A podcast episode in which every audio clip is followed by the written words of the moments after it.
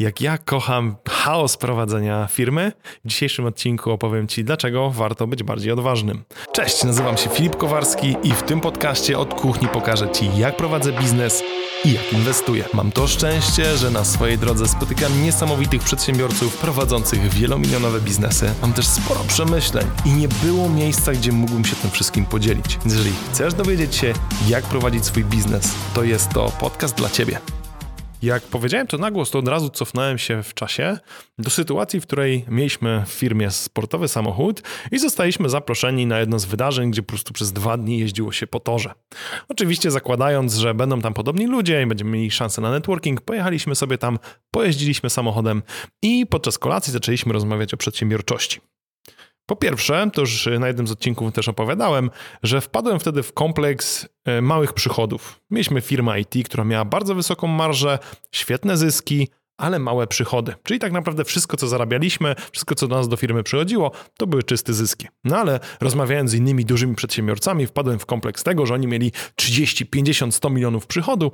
Co z tego, że zostawało mało zysku, oni mogli mówić o dużym przychodzie. To był pierwszy niepotrzebny kompleks, którego e, się nabawiłem, a drugi kompleks, który też niestety zaburzył moją firmę na kilka lat, to brak dużej ilości pracowników. Działaliśmy w małym, prężnym, szybkim zespole.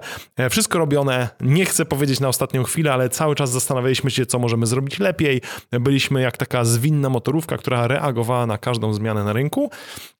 Wpadłem w kompleks nie dość, że tych przychodów, to jeszcze braku wielu pracowników. Wróciliśmy z tego eventu, zaczęliśmy zatrudniać ludzi, zaczęliśmy pewne rzeczy e, normalizować, spowalniać, procesować, systematyzować. No i okazało się, że to były najgorsze lata w naszej firmie. No i wracam do tego, co mamy teraz.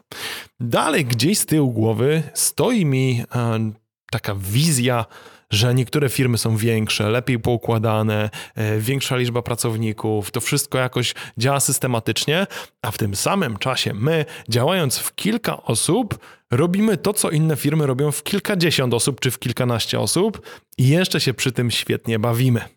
No i właśnie o to chodzi, że zacząłem się zastanawiać, czy ja na pewno potrzebuję wielu pracowników, czy ja na pewno potrzebuję dużej firmy, czy ja w ogóle chcę iść w tym kierunku. No bo jednak stajemy na takim rozdrożu i patrzymy na wszystkich innych, jak oni to robią i oni mają to wszystko fajnie systematycznie zrobione, wszystko wygląda jakby to była po prostu pięknie naoliwiona maszyna, a z drugiej strony są to osoby, które pewne rzeczy robią identycznie od lat.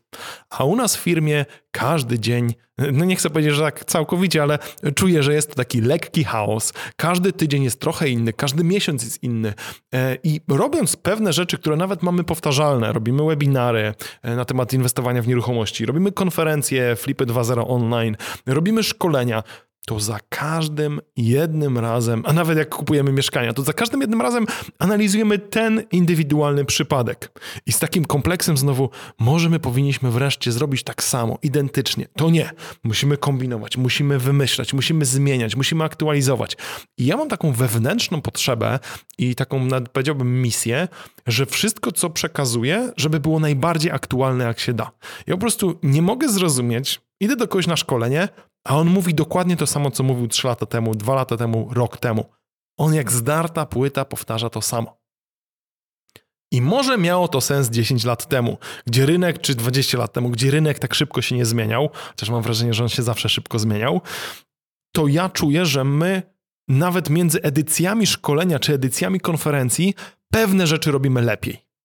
I teraz z tyłu głowy mam to, że jeżeli przekażę to samo, co mówiłem pół roku temu, to w tym momencie przekazuję nieaktualną wiedzę, a ja chcę, żeby osoby, które do mnie przychodzą, odpłatnie na szkolenie, czy nieodpłatnie na konferencję, czy na webinar, żeby one dostały najświeższą wiedzę, zaktualizowaną o najnowsze historie, o to, co teraz się dzieje i zamiast przyjść sobie spokojnie na konferencję, która się odbywa w weekend i usiąść do niej w piątek wieczorem, przypomnieć sobie tylko o czym tam rozmawialiśmy, o czym mówiliśmy i to samo przekazać, co było ostatnio, to nie. My już musimy na początku tygodnia usiąść do prezentacji, przejrzeć, co możemy dodać, co możemy usunąć, co już jest nieaktualne, co jest super aktualne, jakie nowe rzeczy robimy ja to po prostu mówię, nie no, panowie, no, tym razem może byśmy sobie odpuścili, może byśmy zrobili to dokładnie tak samo jak ostatnio. Wymyślamy, czy na pewno ta platforma, na której robimy tą konferencję, czy webinar, czy to jest najlepsza konferencja, czy możemy kupić jakiś lepszy sprzęt, czy możemy go wynająć, wypożyczyć, czy na pewno wszystko będzie piękne. I teraz odwaga.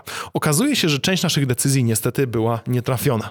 Zmieniliśmy platformę do konferencji, kupiliśmy dużo droższy system, który wydawał nam się po prostu genialny, lepszy, najlepsze możliwe rozwiązanie i okazało się, że odpalamy konferencję w sobotę, no jest problem z łączem. Niestety ludzie oglądający mają przerwy, my jako wysyłający tą konferencję e, na żywo też mamy jakieś problemy. I jest stres. Ale z drugiej strony my byliśmy tyle razy już w tym chaosie, że bardzo szybko postanawiamy zmienić platformę i wracamy do tej platformy pierwotnej. Dlaczego w ogóle chcieliśmy platformę pierwotną Zoom zmienić?